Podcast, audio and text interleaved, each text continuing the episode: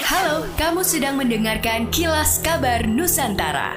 Podcast persembahan KG Radio Network menyajikan berita harian yang mengangkat keunikan dari berbagai wilayah Indonesia. Kilas Kabar Nusantara dapat juga didukung oleh pengiklan loh. Ingin belajar soal isu kesehatan mental, sering merasa sendirian dan sulit dimengerti lingkungan sekitar soal perasaan kamu? Tenang, kamu nggak sendiri kok. Dengerin podcast Anyaman Jiwa yang ngebahas seputar kesehatan mental dari lingkup pekerjaan, percintaan, hingga sosial. Persembahan Medio by KG Media dan Sonora FM di Spotify.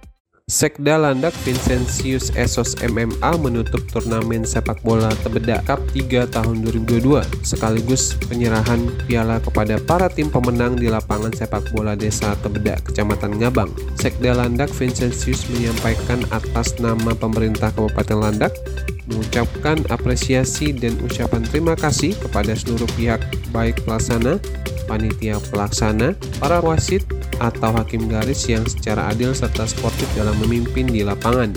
Bupati Landak periode 2017-2022, Dr. Caroline Margaret Natasa yang turut hadir juga menyampaikan selamat atas kemenangan yang sudah diraih oleh tim.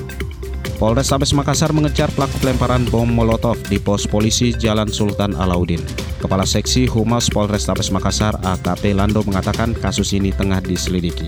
Selain merusak bangunan, terduga pelaku juga membuat tulisan di dinding polisi pembunuh supporter Arema.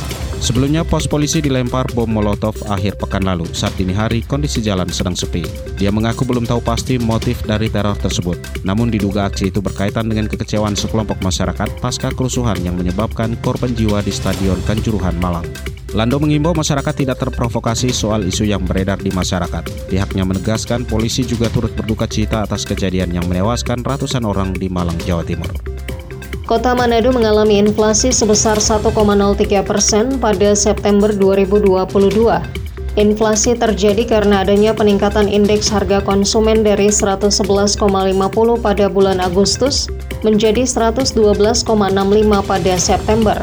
Kepala Badan Pusat Statistik Sulawesi Utara Asim Saputra menjelaskan, dari 11 kelompok pengeluaran di Manado, 5 kelompok mengalami peningkatan indeks.